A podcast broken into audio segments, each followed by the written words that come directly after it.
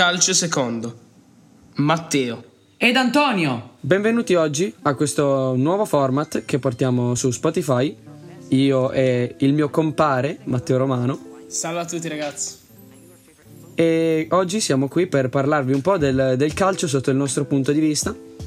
E diciamo che in questa trasmissione porteremo vari tipi di format. Ovviamente format tutti che trattano di calcio e oggi in particolare vi porteremo un format eh, originario di Matteo. Vai, parlacene. Beh, più che originario, diciamo. Sì, mi prendi i meriti, cosa me ne frega? no, scherzo. Si chiama botta e risposta, Antonio. Inizierei proprio tu poi tu lo fai a me. È molto semplice okay. in realtà. Io ti parlerò di tre trasferimenti, ok? Tre tipi di trasferimenti. Ok, va e bene. E tu mi devi dire se la dirigenza che ha voluto vendere il giocatore ha fatto bene, se è un ottimo giocatore da acquistare per l'altra squadra. Cosa ne pensi, diciamo, mm. più in generale, d'accordo? Ok, va benissimo. Ok, io direi di non perderci in chiacchiere, quindi bandolo i cianci e ciancio le bande. Iniziamo subito. Sei pronto? Ok. Iniziamo da... Ok, sì da una cosa, diciamo, mm, da un trasferimento strano. Adrian. Rabiot all'Everton. Che cosa ne pensi? Allora, di Rabiot all'Everton. Allora, posso dire che intanto è stato un acquisto a parametro zero da parte della Juve. A questo che veniva appunto dal Paris Saint Germain. E diciamo che comunque in Italia non ha mai dato quel, quel supporto al centrocampo della Juve che sarebbe servito al fianco di Pjanic o magari di Matuidi e ehm, posso dire che sicuramente all'Everton potrebbe fare molto comodo. Perché comunque non è che l'Everton abbia così tante persone a centrocampo. E comunque gli potrebbe dare un ottimo supporto sia da, da regista ma anche da fantasista. Comunque sempre nella zona di centrocampo. Quindi a mio parere potrebbe essere un ottimo trasferimento. Ovviamente bisogna un attimo vedere le cifre.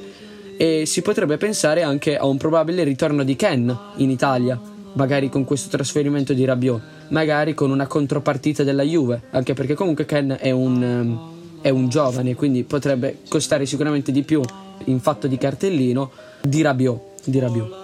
Sì, volevo specificare anche una cosa perché non ce lo siamo detti. Le squadre che tifiamo, che secondo me è un bel gossip. Io ah, tifo sì, Juve e Antonio Chieppa eh, tifa. Io tifo Roma. Esatto, tifa la Roma. Parlando esatto. di Roma, mm-hmm. lo scambio Higuain per Geco, che cosa ne pensi?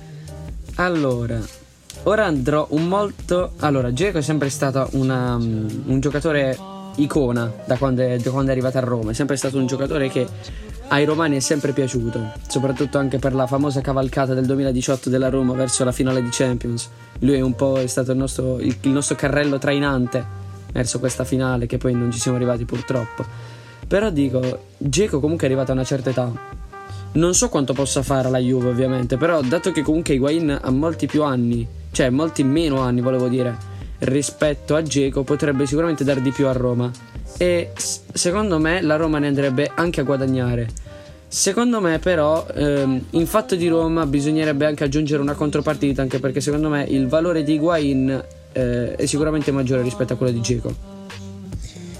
Sì, volevo informarti che l'età c'è zeccato perché Geco ha quasi 35 anni, voi invece ne appena compiuti 32, quindi ehm, tre anni vale tanto, vuol dire che potrebbe mm, fare esatto, tanta la Roma. nel mondo del calcio soprattutto. Esatto, e poi secondo me, io che sono Juventino, è ottimo questo scambio, anche perché Geco non giocherebbe titolare per i miei gusti, perché mm, il compito della Juve adesso è proprio di dare via Higuain, perché ci sono troppi attaccanti. Mm diciamo eccessivamente troppi. Ma bando alle ciance ciance le bande, Neto dal Barcellona all'Arsenal, che ne pensi?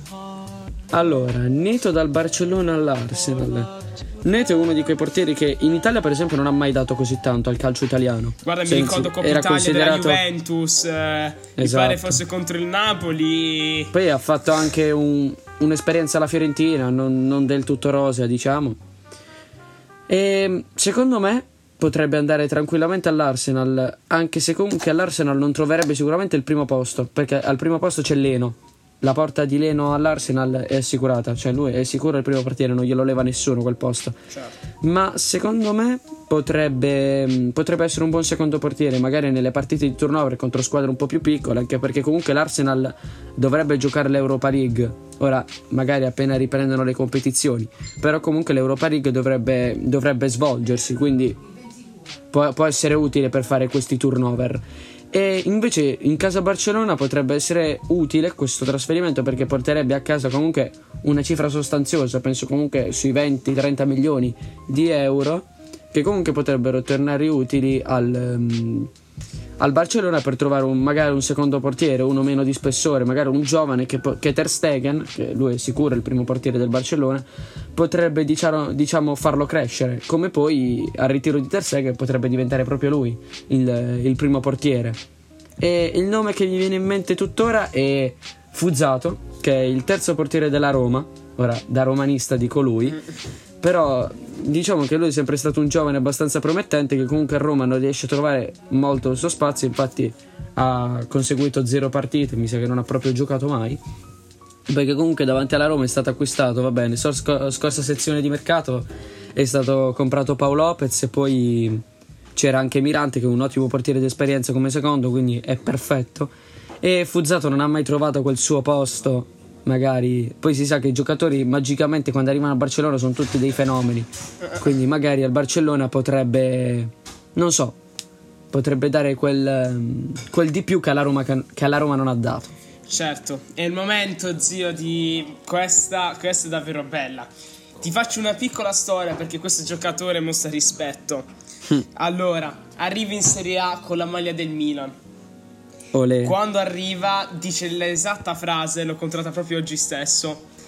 Avrò, diventerò il nuovo Maldini, diventerò una bandiera nel Milan. Venduto alla Juventus, un gol in Serie A, Eurogol contro il Benevento. Sto parlando della vendita di Mattia De Sciglio al Barcellona. Grande terzino. Secondo me Grande oscillerà su 500 milioni, eh, 600 milioni. Vabbè, comunque il prezzo sarà abbastanza alto anche perché anche, sappiamo è De Sceglio, quindi eh, scusate. un, ter- un, terzino alla doc.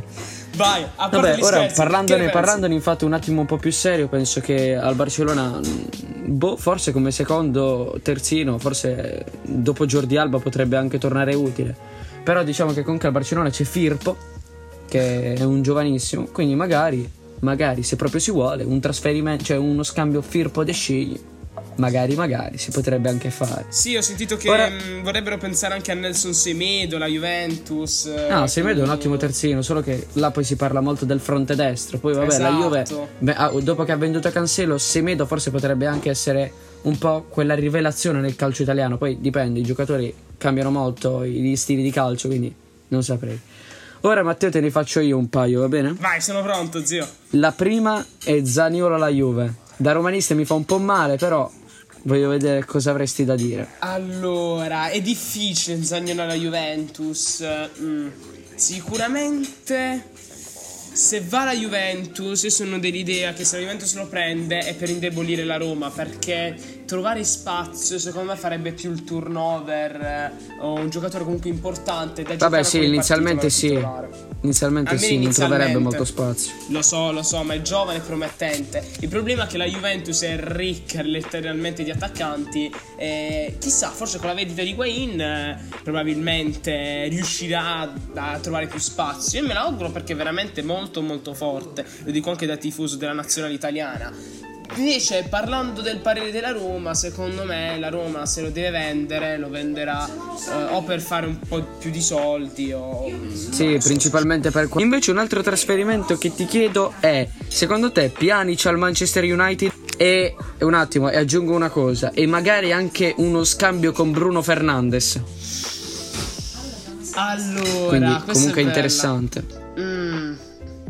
Allora, ti dirò che se fosse una dirigenza della Juve, se dovesse mandare via Piani, ci proverei a prendere Pogba più che Bruno Fernandez, magari con un conguaglio molto alto, mm-hmm, perché esatto. dare via Pjanic, che comunque è un giocatore sempre titolare, regista della Juve, tira le punizioni, è un giocatore che comunque ti vale tanto in campo, è stato, da quando è stato preso con la Roma, praticamente da Allegri fino a Sarri, sempre titolare, darlo via dovresti trovare un giocatore altrettanto. Bruno Fernandez secondo me sì, è forte quanto volete, però non è all'altezza di Miralem Pjanic. Se se ne deve andare via Pjanic, dovrebbero prendere un altro attaccante da ricoprire quel ruolo. Eh, oppure prendere un centrocampista forte in generale, tipo Pogba, magari anche un po' più offensivo, offensivo scusate. Esatto, sono completamente d'accordo con te. Poi invece un altro trasferimento potrebbe essere, dato che la Roma comunque è un po' carente con i difensori, mi è venuto in mente un attimo questo trasferimento. Ma secondo te Bonucci alla Roma?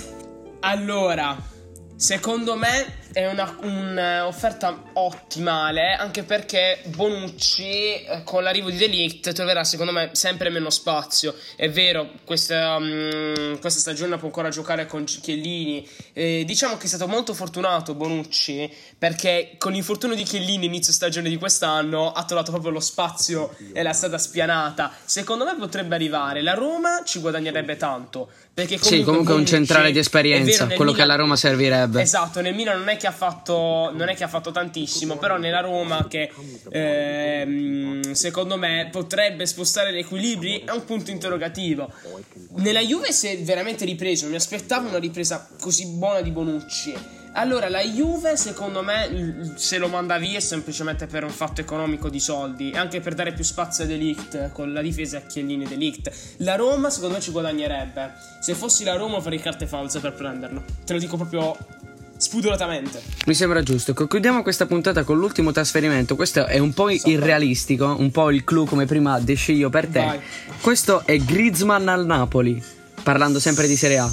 Questa è molto Uh. interessante. Uh, uh. Questa, questa è davvero bella. Allora, Griezmann al Napoli. Sinceramente lo vedo molto irreale anche perché il Barcellona l'ha appena acquistato Griezmann e sta facendo davvero tanto in Spagna. Il- certo, non c'è altro da dire. Il Napoli se lo prende non è un affare, è un affarone. Potrebbe diventare un giocatore nuovo idolo. Non, non c'è dubbio che Griezmann è uno dei giocatori al momento attaccati più forti d'Italia. Ha vinto eh, il mondiale con la Francia. Secondo me il Napoli non sono diciamo un po' troppo sfiducioso sul fatto economico perché il Barcellona diciamo se deve dare un via un top player nel senso dato via Neymar sui 250 milioni quindi a meno che il Napoli non abbia un conto segreto Magari, magari un conguaglio con Insigne più che con Mertens, perché Mertens dovrebbe andare via a parametro zero, però so che farebbe un po' male ai napoletani, però magari un conguaglio con Insigne già il Barcellona Secondo potrebbe sì. alzare le antenne. Ma sai Potrebbe. perché secondo me sì? Perché Insigne, se ci pensa al Napoli, tu devi a Griezmann, ok. Il eh, Barcellona potrebbe giocare ancora con Messi alla destra, Suarez prima punta e mm, a sinistra potrebbe giocare Insigne. Sì, ok? sarebbe perfetto Che diciamo che è il Messi italiano. Il Barcellona andrebbe benissimo. eh, sicuramente per dare Griezmann al Napoli, per trovare un posto a Mertens, magari potrebbe cambiare anche il modulo il Napoli eh, con Gattuso.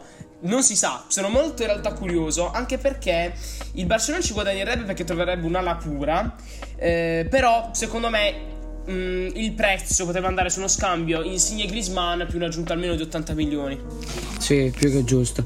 Vabbè, Matteo, io andrei verso la conclusione di questa puntata. Vabbè, come prima puntata ci siamo un attimo dilungati, siamo arrivati quasi sui 14 minuti. E va- Diciamolo appunto che aumenteranno i format, questo è uno. Sì, è esatto, questo è diciamo, uno dei tanti è uno che spoiler, faremo. Esatto, è uno spoiler, è uno Esatto. spoiler. Anche se comunque continueremo a portare anche questo format, perché no, dai. E niente, ragazzi, io mm, vi saluto. Quindi un saluto da Antonio. E da Matteo. Salve ragazzi. Ciao a tutti.